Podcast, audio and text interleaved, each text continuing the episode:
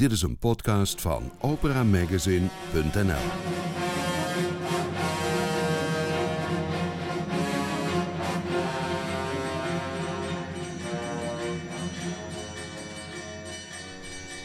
Welkom in Studio Nibelheim. Hier hoort u nieuws, achtergronden en interviews over opera en lied. Het opnemen van een CD is een precair proces waarin de opnameproducer een bepalende rol speelt, al staat zijn of haar naam doorgaans niet in kapitalen in het CD-boekje. De naam Frederik de Jong, eigenaar van het label Seven Mountain Records en daarnaast actief als freelance opnameproducer, stond vorig jaar op minstens drie zeer goed ontvangen klassieke zangproducties. Elysium van Jeannette van Schaik en Pieter Nielsen, die werd vastgelegd in Studio 1 van het muziekcentrum van de Omroep.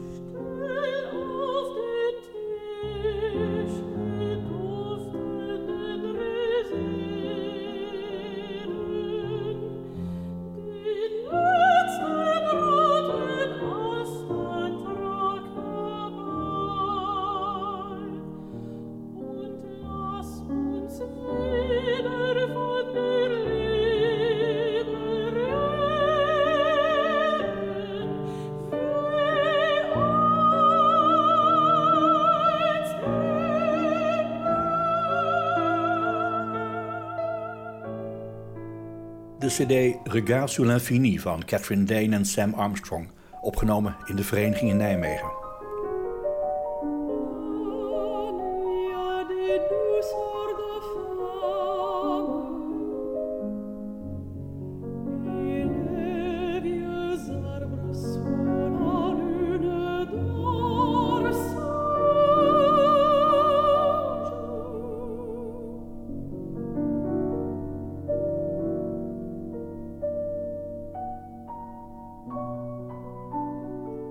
Incantation van Ekaterina Leventhal en Frank Peters, die hun cd opnamen in de Schiedamse Westvestkerk.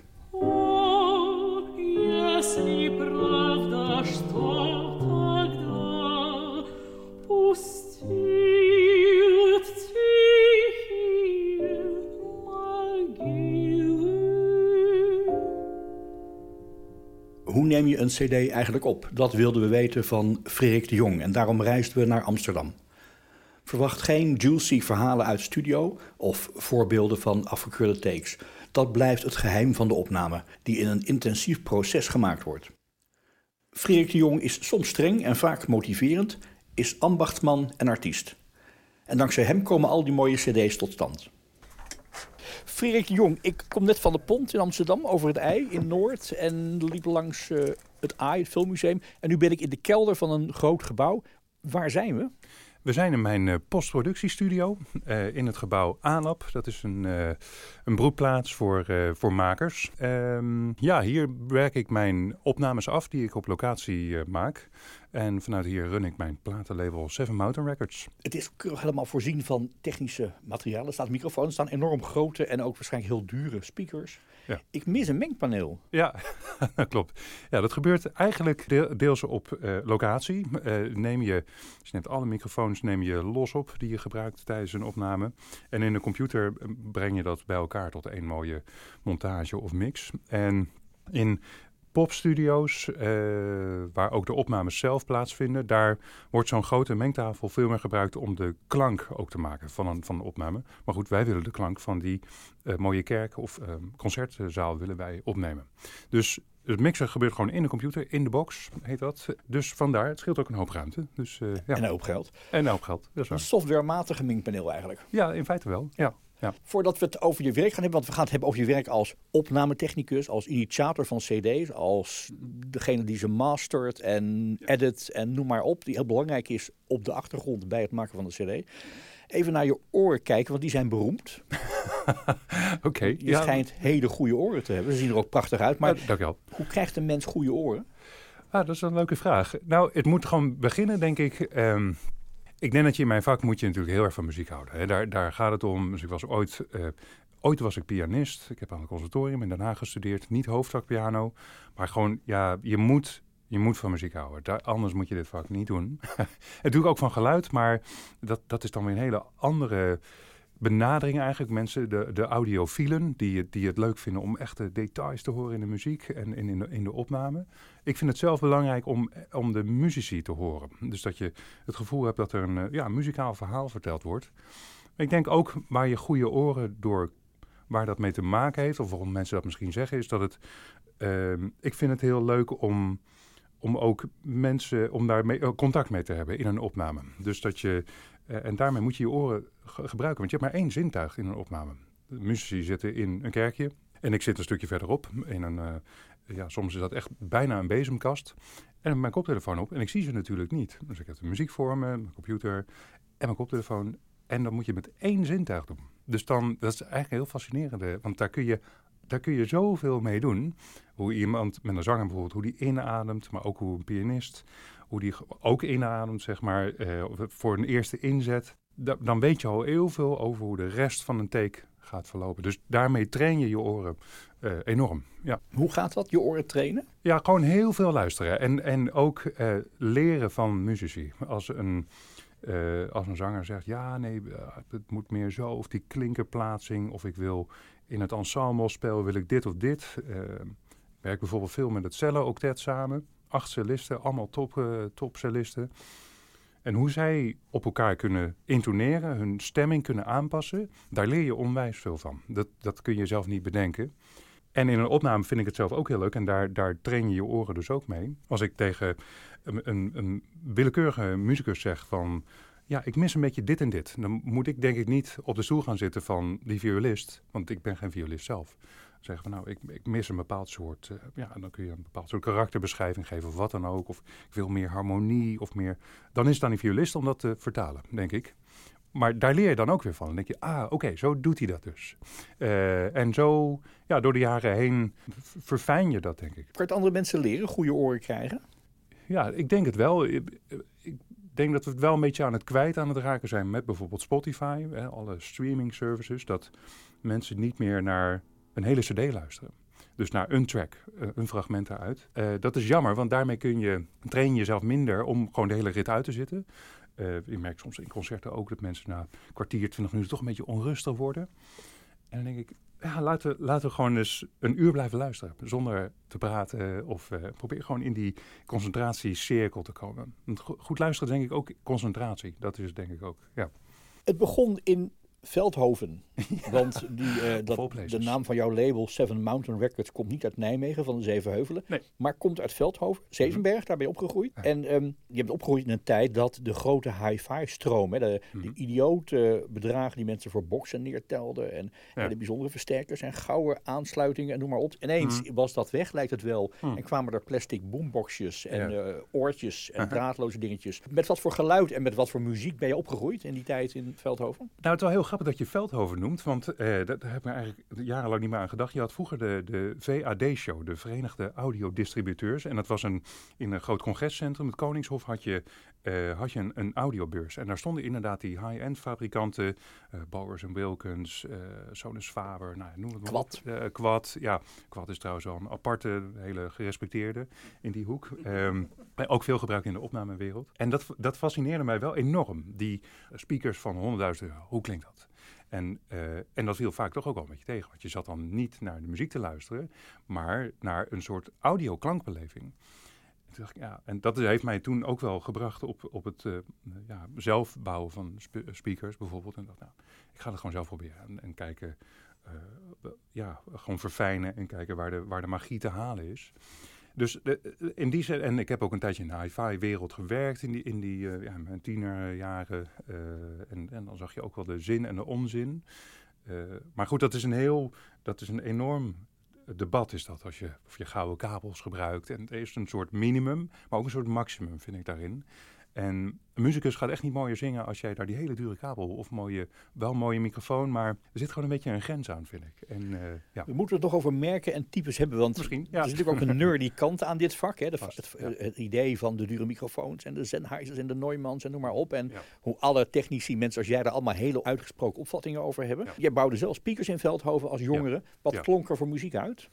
Ja, van alles. Uh, ik, nou, ik ben oorspronkelijk pianist. Dus uh, en toen ik nog echt heel jong was, eh, hadden mijn vader en moeder hadden vaak uh, pianomuziek op staan. Er was een beroemde opname van Glenn Gould, die het woordtemperatuur klavier speelde. En dat is wel een beetje, een grappig als ik nu naar die opname luister, denk ik, ah grappig, ik vind dat nog steeds heel mooi. Dus dat heeft dan toch een beetje je smaak misschien al gevormd. Maar je ging naar het conservatorium in Den Haag. Ja. Piano en je deed een opleiding die rond die techniek was gebouwd. Ja. Wat voor opleiding was dat? Nou, de opleiding heette toen de tijd muziekregistratie. Tegenwoordig heet het uh, sinds een jaar of tien al de Art of Sound. Nou, een mooie, uh, chique titel. Een muziekregistratie. In die tijd uh, het was heel belangrijk dat je als muzikus opgeleid werd. Dus je kreeg alle muziektheorie, alle basis die ook de hoofdvakstudenten ook kregen. En daarmee kon je dus ja, in een opnamesituatie kon je op een bepaalde manier wel levelen. Um, en er werd ook echt veel aandacht besteed aan dat je zelf goed een instrument moest kunnen bespelen. En ja, en dat, ik vond dat een fantastische tijd. Want en je had ook wel die techniek en de natuurkunde van het opnemen.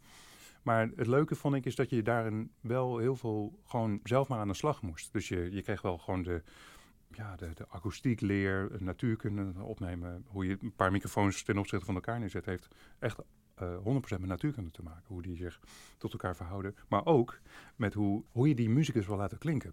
Um, hè, en hoe een, bijvoorbeeld een zang-piano, dat is een ontzettend moeilijke combinatie. Want die, die vleugels vaak, een groot stijnmes is vaak veel te luid. En, uh, maar je wil een pianist niet beperken. Zegt nee, niet zo hard. Dat moet je niet, dat, ja, dat wil je, want dan gaat hij op de rem en dan... dan maar, dus hoe doe je dat dan? Dus dan moet je met je microfoonplaatsing moet je daar rekening mee houden.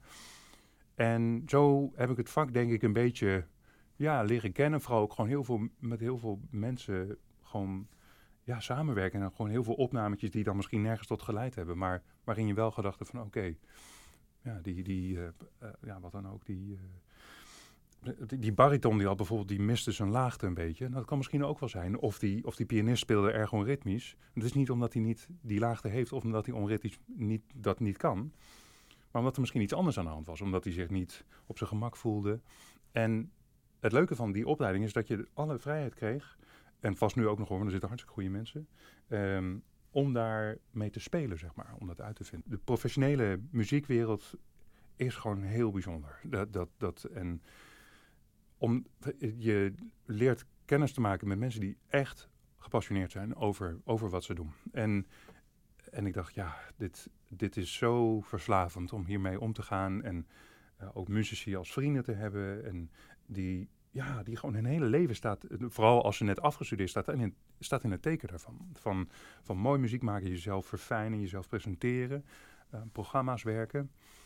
En ik had, ik had al best wel wat klussen staan. Ik zat ook nog wel een beetje te denken van, oh, misschien moet ik toch ook maar kijken of ik zelf uh, piano hoofdvak kan gaan doen. Dus dat ik gewoon echt als pianist opgeleid ga worden. En maar ik dacht, ja, maar ik vind eigenlijk de combinatie van zelf muziek spelen, maar ook de andere kant ervan, dus naar mensen luisteren en ze helpen, uh, het zo goed mogelijk uh, te vereeuwigen, dat vind ik eigenlijk nog wel interessanter of zo. En dat heeft gewoon zoveel lagen. En ik vind die techniek ook interessant hoor, zeker. En zelf, ook omdat ik zelf dingen gebouwd heb en... En ik had toen net een klus met Willem Brons, volgens mij. Uh, en de pianist? De pianist. Um, uh, Paul 4 gingen we toen opnemen. En ik dacht, ja, oké, laten we voor gaan. Dus ik had er echt zin in. Ja. Toen ontstond volgens mij net na jouw opleiding het bedrijf Kleinman. Ja. Waarom Kleinman? Uh, nou ja, mijn moeder heet Kleinman, maar dan met uh, twee N'en. Dus ik, en van de Kamer van Koophandel mocht je toen niet iemand anders achternaam gebruiken. Dus ik dacht, nou, weet je wat, doen we met één N. En ik zei van ja, uh, laten we er gewoon een grapje maken, want ik ben iets over twee meter. en ja, dus Kleinman, maar goed, de grap heeft nooit echt een publiek gevonden. maar uh, ja, dus dat is, daarmee doe ik de freelance dingen. Want ik werk, uh, ja, ik werk natuurlijk ook voor andere labels. Of gewoon producties die echt helemaal in eigen beheer worden uitgebracht. Of uh, voor promotionele doeleinden, wat dan ook. En uh, en toen ben ik een jaar of, even kijken, vijf, zes jaar later ben ik met Seven Mountain Records begonnen. Het eigen label? Het eigen label. Uh, inderdaad vernoemd naar de straat Zevenberg in Veldhoven. Dat label heeft de nodige cd's opgebracht. Hè? Mm. Een solo cd van Vincent van Amsterdam. Mm. Um, uh, Maria Vieselier met mm. Pieter Nielsen samen een paar ja. jaar geleden. en Een van de aanleidingen dat we hier zitten is dat het afgelopen jaar een druk jaar was. Want er kwamen veel cd's uit waar jouw naam bij stond. Ja. Eh, voor je eigen label, voor andere labels. Metner cd, eerste van vijf die Ekaterina Leventhal en eh, Frank Peters eh, aan het opnemen zijn. De cd van Jeanette van Schaik met Pieter Nielsen samen. En Catherine Dane met Sam Armstrong, recent verschenen, enorm goed ontvangen. En ook vanwege de techniek van de opname, hoor ik iedereen zeggen. Voor jezelf, voor je eigen label en voor andere labels maak je die opnames. Daar zijn mensen enthousiast over. En ik heb een voorbeeldje bij me van eh, een van de mensen met wie je gewerkt heeft, Ekaterina Leventhal. En die zegt het volgende over jou instart. Hij staat eigenlijk voor onmogelijke taak. Ik vind Frederik op een persoonlijk vlak een hele bijzondere persoonlijkheid. Hij is open, toegewijd, betrokken en nieuwsgierig. Dat zijn kwaliteiten die voor mij eh, persoonlijk hem tot een beschikbare en een, een fijne persoonlijkheid maakt om, om heel makkelijk in contact te komen. Omdat hij weinig barrières heeft en weinig uh, concessies over, over, over de wisselwerking. Dat maakt hem toegankelijk en makkelijk. En zelf staat hij uh, tot een onmogelijke taak. Hij moet namelijk een, een opname leiden waarin hij jou moet motiveren tot een betere um, prestatie te komen onder druk uh, en onder spanning. En dat lukt hem. En dat is een kwaliteit waar weinig mensen echt zo goed, die weinig zo goed kunnen beschikken zoals hij. Je moet en motiverend zijn, en streng, en scherp, en precies. Sturend, maar zeer positief sturend. En dat, dat is een eigenschap die, die kun je niet aanleren, die moet je voelen. En uh, hij met zijn kwaliteiten, want hij weet ook heel veel. Het is een ongelooflijk muzikale, toegewijde jongen die ook superveel weet. Maar ook met al die kwaliteiten streng kan zijn en ongelooflijk uh, motiverend naar, naar een betere prestatie. Je, met hem kom je tot een beter resultaat en dat kan hij. Wauw, daar word ik wel even stil van zeg. Ja. Heeft ze gelijk? nou, ik, er is iets met, met, ja, dat is moeilijk om te zeggen, maar ik vind, zij zegt iets over positieve, uh, positief sturen, zoiets zegt zij. Hè? En dat vind ik inderdaad wel heel leuk om te doen. Ja, dus dat ik, dat, dat je, een goede vriend van mij die is dirigent en die zei, als je iemand ritmischer wil laten spelen, moet je iets zeggen over zijn, over zijn dynamiek. Want als je, als je precies dat gaat zeggen, dan gaat hij overcompenseren. En zo, uh, zo dat soort dingen, daar zijn, dat vinden zij heel leuk. Dat merk ik ook. Frank Peters is ook echt, ja, echt een van de gaafste pianisten die ik ken. En gewoon zo'n liefde voor die muziek. Dus als je met hun in die opnameruimte komt, in de Westwestkerk in Schiedam in dit geval, daar, um, je voelt gewoon dat die, zij zijn daar helemaal klaar voor. Dus het is heel makkelijk om daar dan in, in mee te gaan. Bij hun is het heel leuk. Bij Ekaterina vind ik het te gek om ja, gewoon zo hard mogelijk door een bocht te rijden. Uh, en ook gewoon kijken waar je eruit vliegt. En uiteraard gebruiken we dat niet.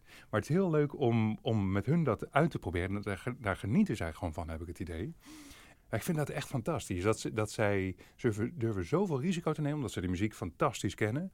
Ze spreken ook allebei, uh, uh, ook Frank, spreken goed Russisch. Dus ze kennen die taal, die gedichten van Pushkin en andere dichters kennen ze fantastisch. Het materiaal is perfect, beheerst. En dus dan weet je gewoon, je kan alles doen met ze. Ze zei twee dingen over je. Je bent motiverend en je bent streng. En dat lijkt me, dat is een van de dilemma's die ja. ik in het verhaal van jouw werk uh, vond. Het dilemma streng tegenover motiverend. Waar moet je aaien en waar moet je een pets uitdelen? Ja, ja dat is heel, heel lastig.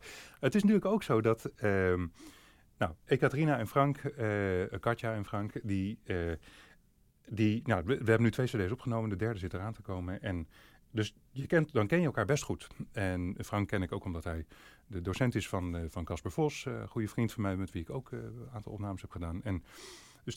dan, weet je op een gegeven moment een beetje wanneer het aaien is en wanneer het streng is. Ik vind het wel leuk om daar, daar een beetje naar te zoeken af en toe. Dan maak je het voor jezelf ook leuker. Dat je, ja, maar soms moet je ook streng zijn en zeggen... jongens, we moeten nu echt even ons schap zetten... Um, maar streng heeft altijd een norm onder ja. zich. En wat, dan is het jouw norm. Want ja. wie moet dan bepalen of het goed is? Nou, ik vind, Ik denk dat het voor muzici fijn is als ze het gevoel hebben dat ik de eindredactie heb. Als zij moeten uh, bijhouden uh, in hun eigen partituur of gewoon in hun hoofd van, oh, dit moeten we nog doen, dat was nog niet helemaal oké en dat hebben we al klaar. Dan zit je hoofd helemaal vol met gedachten die eigenlijk bij mij moeten zijn. En uh, dus in die zin probeer ik wel duidelijk te zijn zonder autoritair te zijn. Want dat heb ik wel gezien bij uh, ja, wat beroemde opnameleider van een groot label die uh, uit, uit Engeland en die autoritair was. Die zei, nee, we gaan het zo en zo doen. Want, want dit, is, dit is dit label en uh, daar moeten we een bepaald soort klank hebben. En dacht, ja, nou, dat is niet mijn stijl. Ik vind het leuk om, ja, om daar een beetje een dialoog in te houden. Maar soms vinden mensen het ook fijn om te zeggen, nee, we hebben het nog niet. We moeten, daar, moeten nu nog één keer langs en je blijft te laag op die B. En, en je speelde daar ja, je hebt er nu uh, drie keer een verkeerde noot gespeeld. Dus nou, kijk er even naar. Studeer hem even. Uh, oh ja, oh shit, had ik helemaal niet door. En, um, uh, en je hebt natuurlijk, het verschilt ook, want sommige muzici die brengen natuurlijk ook een bepaald karakter met zich mee. En dat moet je ook een beetje, iemand die wat strenger is of zelf een beetje dominant, dat is ook leuk om daar dan een beetje dominant terug te zijn. Dus dan, dan, dan krijg je een beetje, een beetje handjesgedrag als je niet oppast. Maar het is wel, daar kun je dan ook gewoon duidelijk tegen zijn en zeggen hey, um, ja, je zegt dat nog wel, maar ik vind het eigenlijk helemaal niet mooier. Of doe anders eens twee dingen en kom dan even luisteren. En dan, dan zet ik gewoon mijn speakertje een beetje harder, waar ik doorheen praat. Ja, ik vind streng is meer als het, het moet wel rechtvaardig zijn. Er moet ook ergens, je moet geen onzin uitkramen en zeggen van, ik vind tempo veel te laag. Terwijl je merkt dat iemand dat eigenlijk nauwelijks kan spelen. Of dat je over interpretatie, uh, dat je het helemaal gaat ja, ontleden en dan de muziek kapot maakt. Dan, dat moet je ook weer niet doen. Dus, uh, nou, en dan ben je streng, vind ik. Ja. Als, je, als, het niet, als het eigenlijk nergens op slaat. In het verhaal wat jij hebt geschreven over Seven Mountain Records gaat het zelfs letterlijk over ego-documenten. En bij ego denken we aan lastige zangeressen, diva's. um, maar jij zegt ego, we maken eigenlijk ego-documenten zelfs. Want ja. mensen krijgen grote vrijheid. Mag iemand die een cd bij jou gaan maken bij het label ja. zelf het repertoire bepalen? Ja, zeker. Ja, dat vind ik heel leuk. En, en omdat ego betekent ik. En um, alleen je hebt heel veel negatieve connotaties heb je daar uh, mee. Uh, we hadden de eerste cd van, van Casper Vos. Die hebben we met uh, Metner uh, piano werken.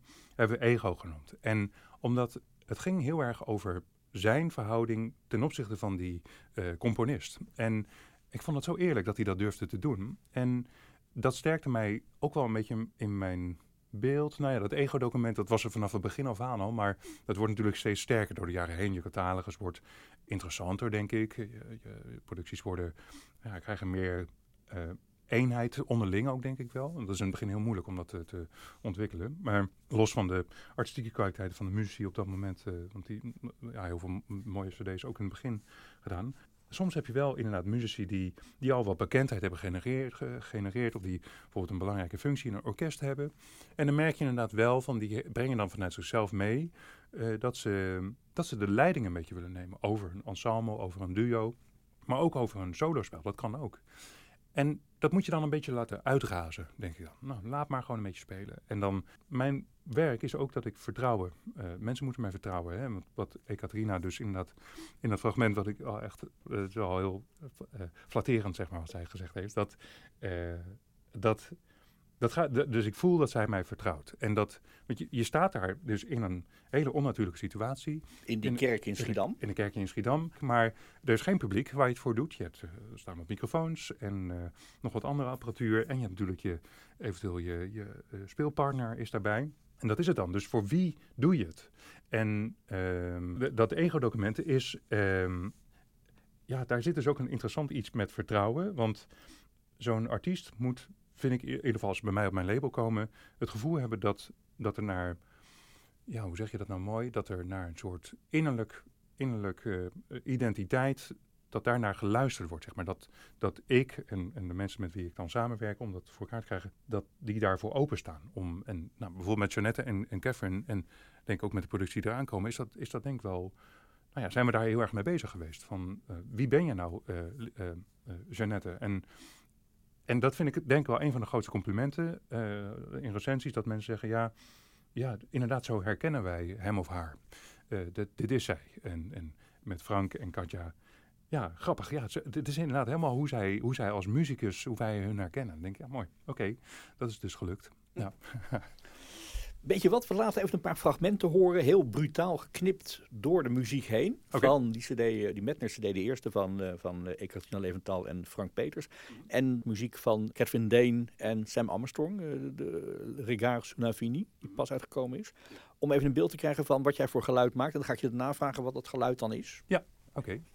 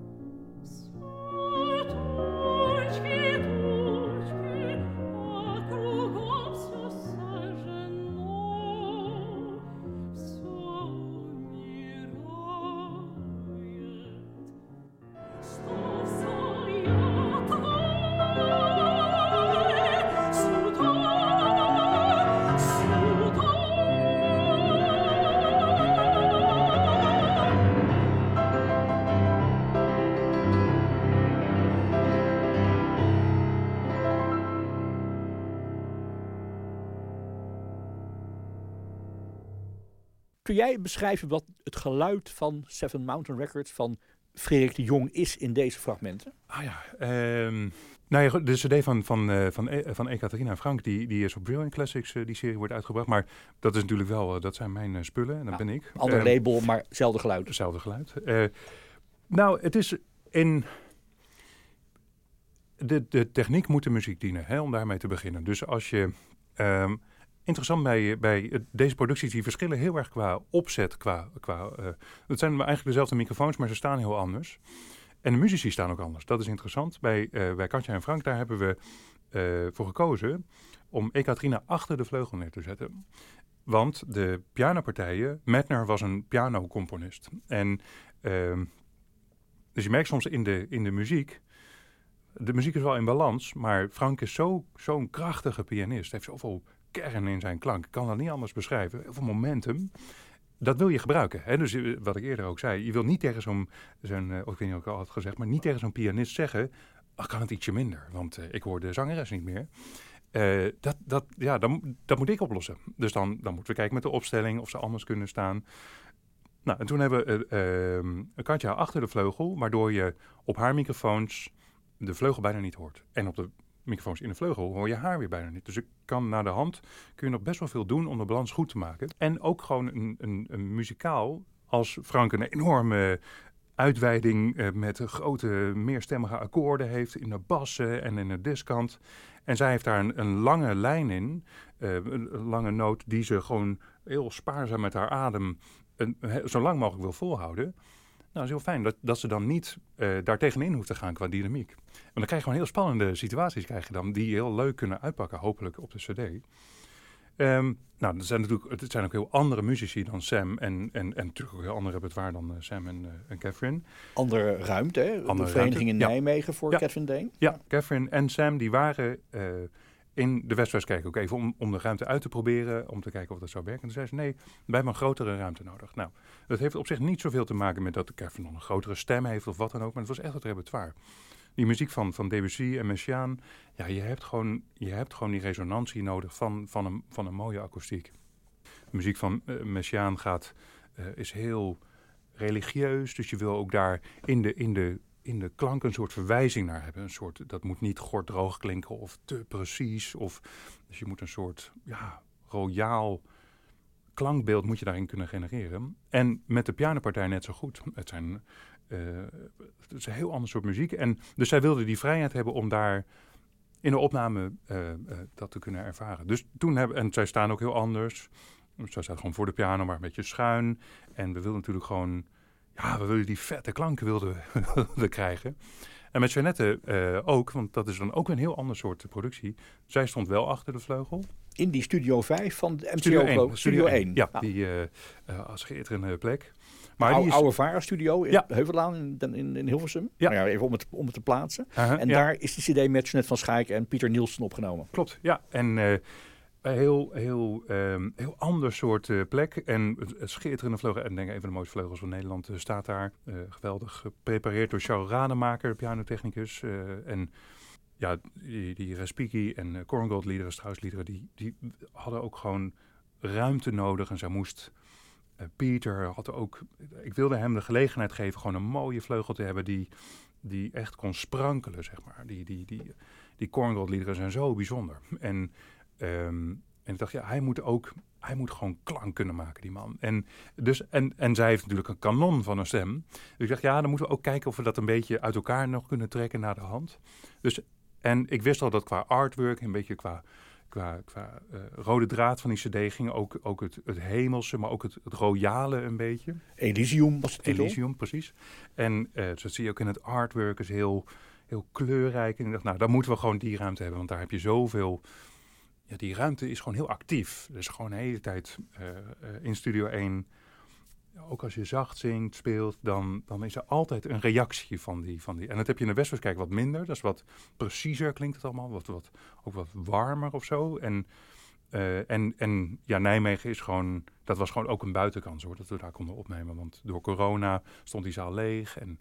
Kenneth Peters, uh, de programmeur daar, die was super aardig dat we daar terecht konden. En, dus dat was, uh, ja, ja, dat, dat was een bijzondere. Uh, ja. Even nerden, wat gaat er mee aan techniek? Nou, ik heb dus geen mengpaneel, die zit in een computer. want het mengpaneel, ja, het zou op zich handig kunnen zijn. En, en ik zie ook wel sommige collega's die nog een vergelijkbaar apparaat gebruiken. Maar wat je in een popproductie doet, is dat je, je neemt, soms neem je alles apart op van elkaar, overdubben. En met klassieke muziek is dat bijna nooit. Er zijn wel wat, wat producties waarin dat wel gebeurt, maar uh, dus je hebt niet uh, tijdens de opname die controle nodig. Dat je zegt van, oh, die zet ik helemaal uit, die ene stem, of die zet ik, die zet ik wat harder, wat dan ook. En dus je hebt aantal microfoons en die doen bijna allemaal hetzelfde op een bepaalde manier. Um, dus je, maakt één keer een soort balans tussen al die microfoons. Zijn er vaak uh, acht, uh, tien, twaalf microfoons zijn het. Uh, en die registreren allemaal een ander deel van, van die akoestiek. Dus microfoons wat dichterbij, die echt heel gedetailleerd gewoon die ene klankbron opnemen, zoals een stem. Um, twee of vier microfoons die een beetje de totale, uh, de, eigenlijk de, de balans zoals de muzici uh, zelf maken ook opnemen. Dat heet een hoofdsysteem. En dan vaak nog wat microfoons verderop in een ruimte om de akoestiek heel mooi uh, op te vangen in feite. Dat je echt het gevoel hebt dat je een soort driedimensionale geluidservaring hebt. Nou ja, wat heb je dan verder nodig? Ja, dus microfoons. Wordt dat 12 kanaals opname of wordt Ja. het één opname? Dus je neemt die sporen, neem je multitrack, neem je apart op, zodat je na de hand daar nog alles mee kan doen. Um, Dus je mixt het eigenlijk niet. Vroeger gebeurde dat wel. Dan had je, eh, omdat de, de, opnametechniek nog niet zo ver was, dat je uh, multitrack kon opnemen. Dus alle microfoons apart opgenomen.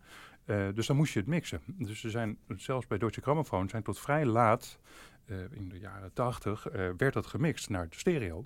Of, of vierkanaals, wat dan ook. En dan krijg je dus, dan, dan heb je na de hand niet meer de mogelijkheid om te zeggen: ik wil de piano eigenlijk wat directer hebben. Want dat heb je tijdens de opname al gedaan. En dus dat mengpaneel, eigenlijk die, de, de, de, de, de paradoxale eigenlijk van die techniek, die natuurlijk door de jaren heen steeds verfijnder is geworden. En je zit nog dichter bij, bij het natuurlijke geluid in feite is dat je daar eigenlijk veel minder mee bezig bent. Dus je zet die computer in de opname en uiteraard noteer je daar dingen in, zodat je weet waar je takes staan die je wilt kiezen. En, in je partituur doe je dat met potlood, vind ik fijn. En verder, verder doet het zijn ding. En, en dan kijk je er eigenlijk niet naar. En, uh, en dat vind ik heel fijn, want dan, ik wil daar niet mee bezig zijn. Ik vind dat, de techniek is interessant, maar uh, ik vind die muziek vind ik nog wel ietsje interessanter. Ja. Dus, uh, ja. Want op sommige cd-boekjes staat niet alleen maar het merk van de microfoon, maar ook het merk van de monitor speakers genoemd. Ja. Mm -hmm. Om aan te geven hoe hoge kwaliteit dat dan heeft of zou uh -huh. moeten hebben. Heb jij van die vaste merken die je altijd gebruikt?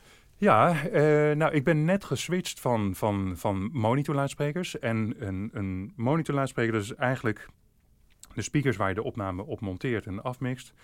Um, eigenlijk moet hij er niet zijn. Het moet een soort vriend moet dat van je zijn. Uh, want je moet weten, als het daar zo klinkt, dan klinkt het overal ergens anders zo. Dus het gaat niet per se om de absolute kwaliteit, wat je wel eens leest. Dat mensen zeggen, ja, het moet, hij moet neutraal zijn en ik moet heel veel detail horen. Dat is wel fijn.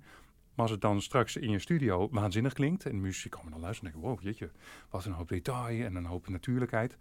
En dan luisteren ze in een auto, op de koptelefoon, op een iPod, uh, wat, dan ook, luisteren ze terug en denken ze, ja, eigenlijk vind ik dit niet meer zo interessant. Dus daar zit, wat mij betreft, ook een beetje een bovengrens aan. Dat het, als het zo extreem is wat je in je studio de mensen laat horen, dan weten ze eigenlijk niet wat ze, wat ze, wat ze, wat ze krijgen.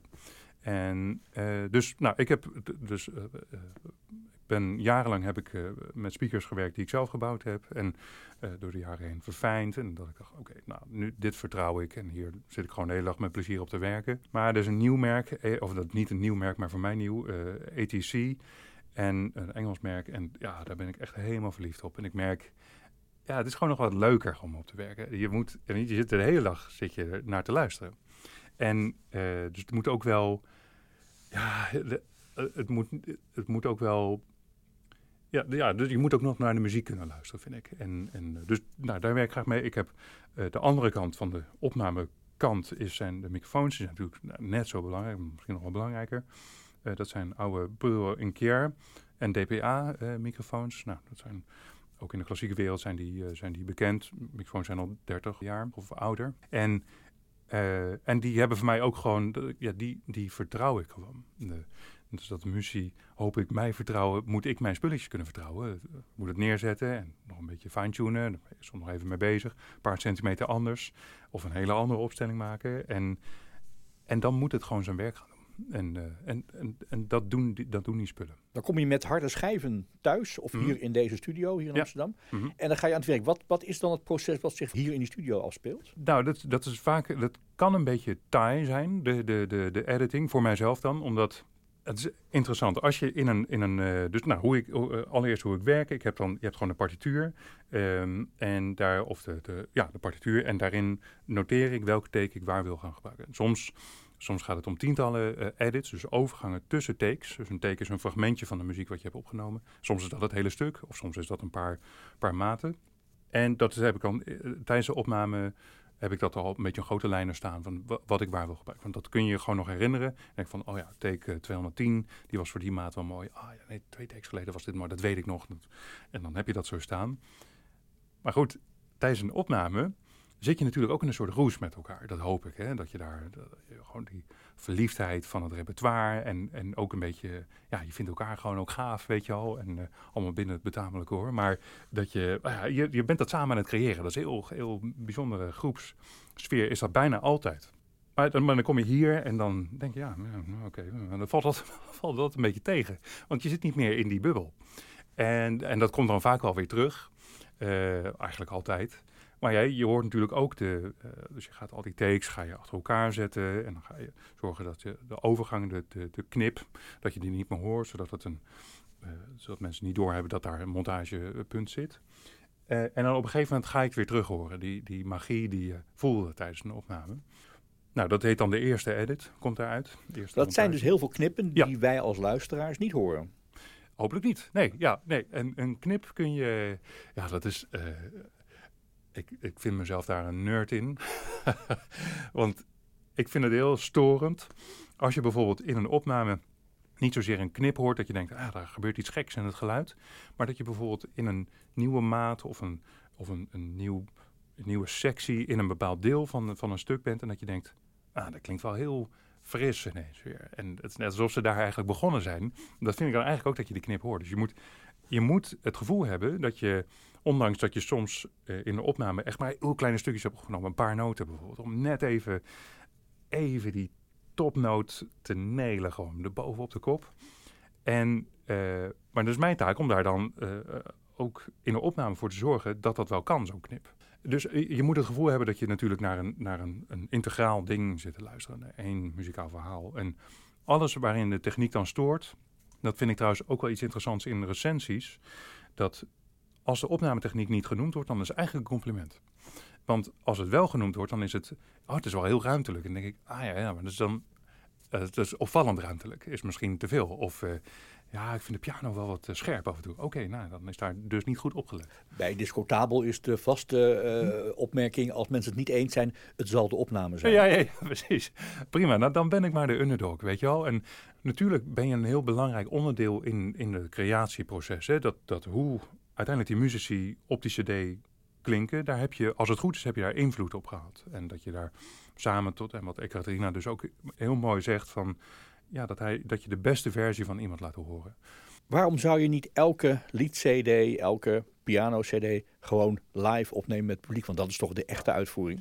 Ja, nou, dat is een heel interessante, eh, interessante vraag die ook muzici die nog niet zo vaak hebben opgenomen ook stellen. Ze van ja, ik wil een live gevoel. Want dan creëren. zijn ze op hun best. Ja, dan zijn ze op hun best. Oké, in een live opname gebeuren, of een live con- concertuitvoering gebeuren een aantal dingen eh, die je liever niet op een cd wil. Bijvoorbeeld, je maakt een foutje.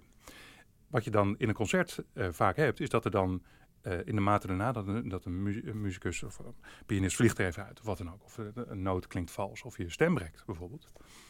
In een concert ga je dat dan overcompenseren als het goed is. En dat je denkt, het publiek mag dit eh, niet, het moet dit vergeten. Dus ik ga even iets heel moois daarna doen. En een opnamesituatie kun je daar natuurlijk van gebruik maken. Dat je zegt van, nou laten we in het rood gaan, bij die metafoor van die bocht. Laten we zo hard mogelijk door die bocht gaan. Het moment waarop je eruit vliegt, dat knippen we eruit. Dat krijgt niemand meer te horen. Eh, dan is er nog een ander belangrijk verschil in een, in een concertsituatie. Is dat je, je hebt natuurlijk te maken met vermoeidheid. Stel, je bent als pianist, speel je een lange Schubert-sonate. Dan eigenlijk is het onlogisch in een concert als jij nog zo fris aan een hoentje bent aan het einde van die sonate. Je bent gewoon kapot. Je hebt fysiek en, en, en je hele hoofd, je hebt zo'n reis gemaakt. En, dus dat moet je dan in zo'n concert moet je dat horen. Maar is dat op een cd interessant? Weet ik niet. Waar maak je een document van? Van die muzikus of van de muziek? Eh, nou, dat, zijn, eh, dat zijn vragen die je, die je moet, moet stellen, vind ik. Nou, ik vind het leuk om sowieso een sessieopname, dus zonder publiek, cd-opname, gewoon anders te zien dan een, dan een concert. Want het is een ander product wat je aan het maken bent. Ja. Ik had je gevraagd vooraf, kunnen we wat eh, voorbeelden of een voorbeeldje krijgen van een foute opname? ja. Ik dacht al, met sopranen zal dat lastig zijn, want die zijn heel kritisch op zichzelf. En je zei ook, nou, dat gaan we niet doen, want wij laten die momenten dat het uit de bocht gaat niet horen. Ja. En wel als het eh, goed komt. Ehm, in de jazz heb je hele cd's vol met alternate takes van Charlie Parker en van Ja. Coltrane bestaan ze. Eh, daar wordt het juist bijna gekoesterd, hè, dat de echte ster ook te horen is als hij even niet zo zijn dag heeft. Dat is bij de klassieke muziek ondenkbaar. Zegt ook iets over die klassieke muziek, over de geparfumeerdheid misschien wel van dat genre. Ehm, ja, geparfumeerdheid. Nou, het is een, een, enerzijds misschien wel. Hè. Je hebt bij, bij geïmproviseerde muziek is vaak ook, heb je happy accidents, zou je kunnen zeggen. En dat eh, die ene take waar Miles Davis beroemd om is geworden, dat dat eigenlijk ook een beetje, ja, nou niet een toevalstreffer, want daar, dan zou ik zijn vakmanschap natuurlijk tekort doen, maar dat je, het is op dat moment is het ontstaan. En bij klassieke muziek wil je dat ook wel hoor. Dus dat je hè, dat, dat, dat gevoel van flow en een, een bubbel, dat je daar. Dat is ook dat het op het moment ontstaan is. Alleen als je met muzici. eh, niet dat dat nou mijn filosofie altijd is, maar dat je, dat je die bocht uit wil vliegen af en toe. Om het gewoon een beetje op te schudden. Hè? Dus dat je mensen een beetje risico wil laten nemen. Dan, ja, dan, dan gebeuren er soms lelijke dingen. Hè? Een stem die breekt, maar dat is ook heel goed. Eh, want dan, dan weet je gewoon, oké, daar ligt mijn grens. En alleen, ja, dus op een cd wil je dat niet horen. En, daar, en het is ook altijd, denk ik wel, te herleiden tot een bepaalde eh, muzikus. Of, ehm, dus daarin, het is enerzijds geparfumeerd, daar heb je denk ik wel gelijk in. Maar, maar het is ook, zo'n opnamesituatie is, is, is iets heel intiems. Omdat je, je kan echt heel dichtbij bij, bij muzici komen. Dat je...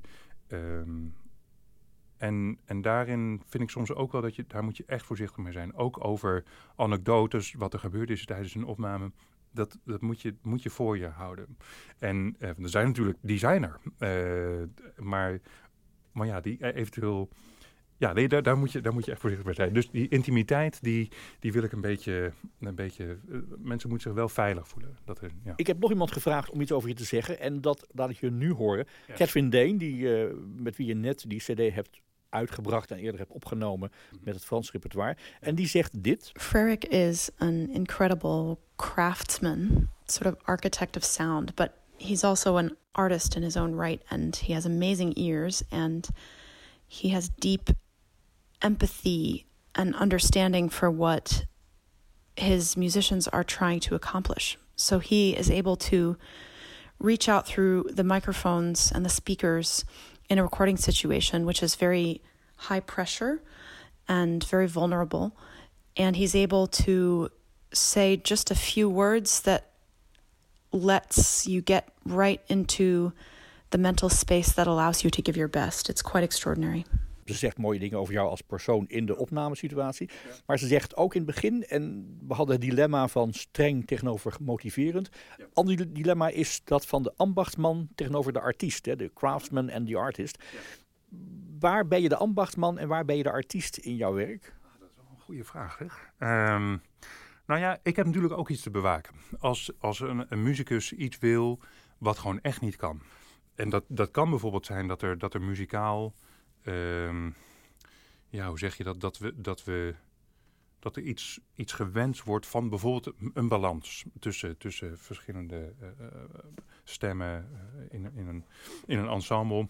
Waarin dat gewoon niet goed in, in, in, in orde is in de compositie bijvoorbeeld. Ja, da- daar is een grens aan wat je kan doen. En op bijvoorbeeld, je krijgt de vraag ook wel eens, en dat kan in klassieke opnamesetting, kan dat echt niet. eh, van kun je iets doen met, met, een, eh, met pitchcorrectie?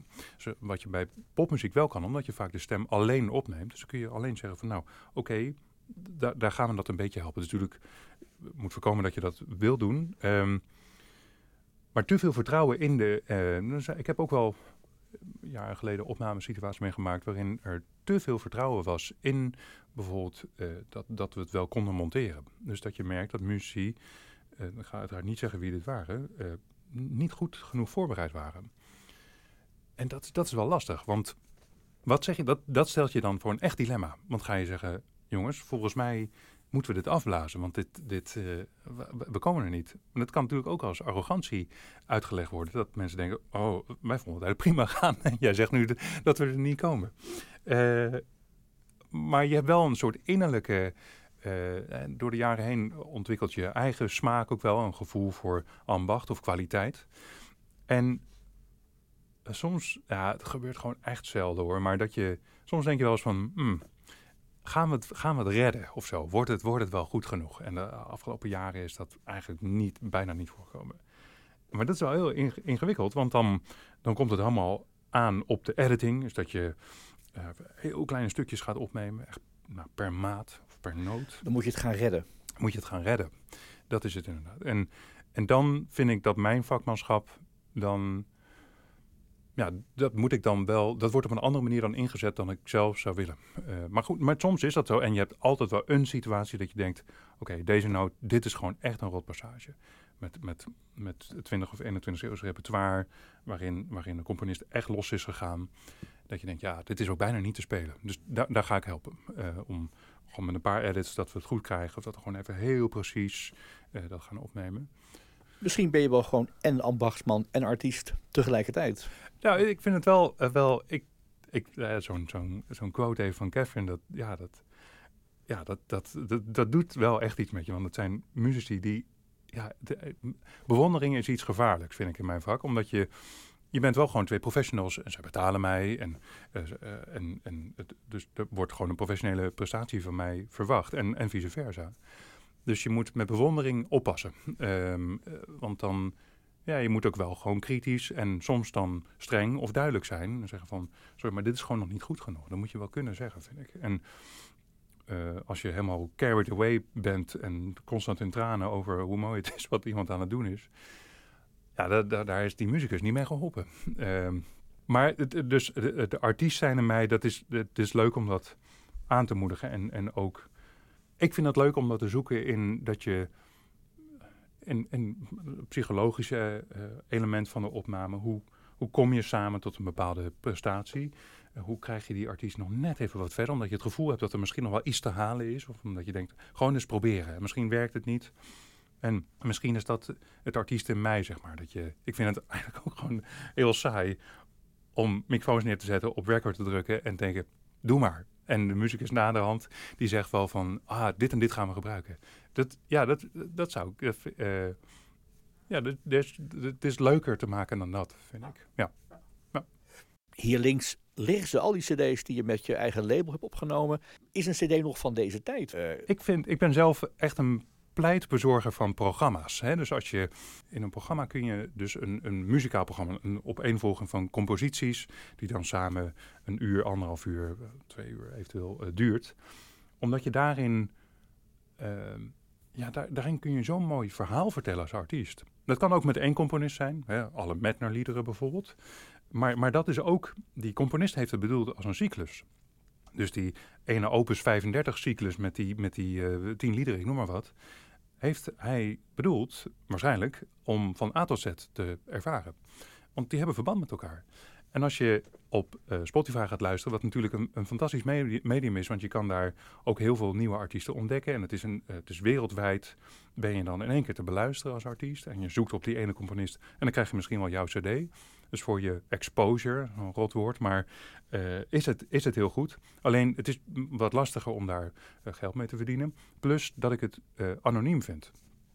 Er wordt wel heel veel aan gedaan, ook door varianten van Spotify zoals Cobus en Apple Music, om dat je contact krijgt met die artiest, dat je bijvoorbeeld ziet waar die optreedt, dat je artwork en soms zelfs een videoclip kan zien. Maar een cd vasthouden, weegt daar, eh, kan daar niet tegenop.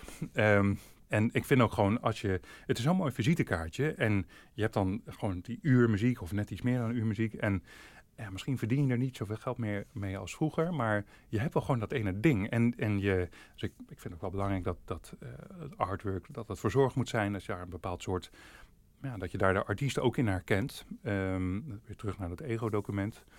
Ehm, en ja, en, en, en de teksten natuurlijk, eh, wat er in het boekje verder staat, is dat het gewoon inzichten geeft. En een document een document op zichzelf. Ja. Ja, ja. Als je nou zo'n paar dagen in zo'n studio gezeten hebt, in een kerk of in een zaal, en Mhm. eh, de laatste take staat erop, dan druk jij je knopje van je intercom in. En Ja. heb je dan een vaste, vast einde? Ja, dat is wel. Je hebt natuurlijk al, altijd zo door de jaren heen honderden opnames gedaan. En dan, dan ontwikkel je een beetje je rituelen zelf ook. Ook omdat het, omdat het dan voor jezelf eh, wel leuk blijft, eh, eigenlijk. En ehm, ik zou het heel jammer vinden als mijn werk als werk zou gaan voelen. Dat, dat, je bent met zulke gepassioneerde mensen bezig. En, ehm, dus daarin vind ik die rituelen is dan misschien toch ook wel belangrijk of zo. En wat ik wel eens doe als, als de opname. Ik heb een rood lampje, dat zet ik gewoon met de hand aan en uit. Dan weten muzici wanneer ik aan het opnemen ben. En soms zet je dat uit. En dan denken muzici, oh, we zijn het opnemen. En dan neem je toch op. En soms gebeuren dan interessante dingen. Eh, als je aanstaat, moet je ook echt opnemen, want anders heb je een probleem. Ehm, maar, dus ik neem, soms laat de computer nog wat extra opnemen als ik denk, ah, er worden nu interessante dingen besproken na deze specifieke take. Maar dat is na die allerlaatste take, vaak zijn het er drie of 400 takes, heb je toch al, eh, kom je snel op uit. Eh, fragmentjes. En dat, ja, dat komt natuurlijk wel voor dat mensen toch even breken of zo. En dat vind ik wel leuk om dat gewoon dan op te nemen en daar ja, dat laat het nog eens even. Je bent al meteen wel in die sfeer, zeg maar. En sommige samenwerkingen zijn echt heel persoonlijk. En heb je jarenlang soms wel aan de voorbereiding daarvan gewerkt. En uh, soms is de muziek heel uitdagend geweest. En zijn mensen gewoon opgelucht dat het erop staat. Of dat we.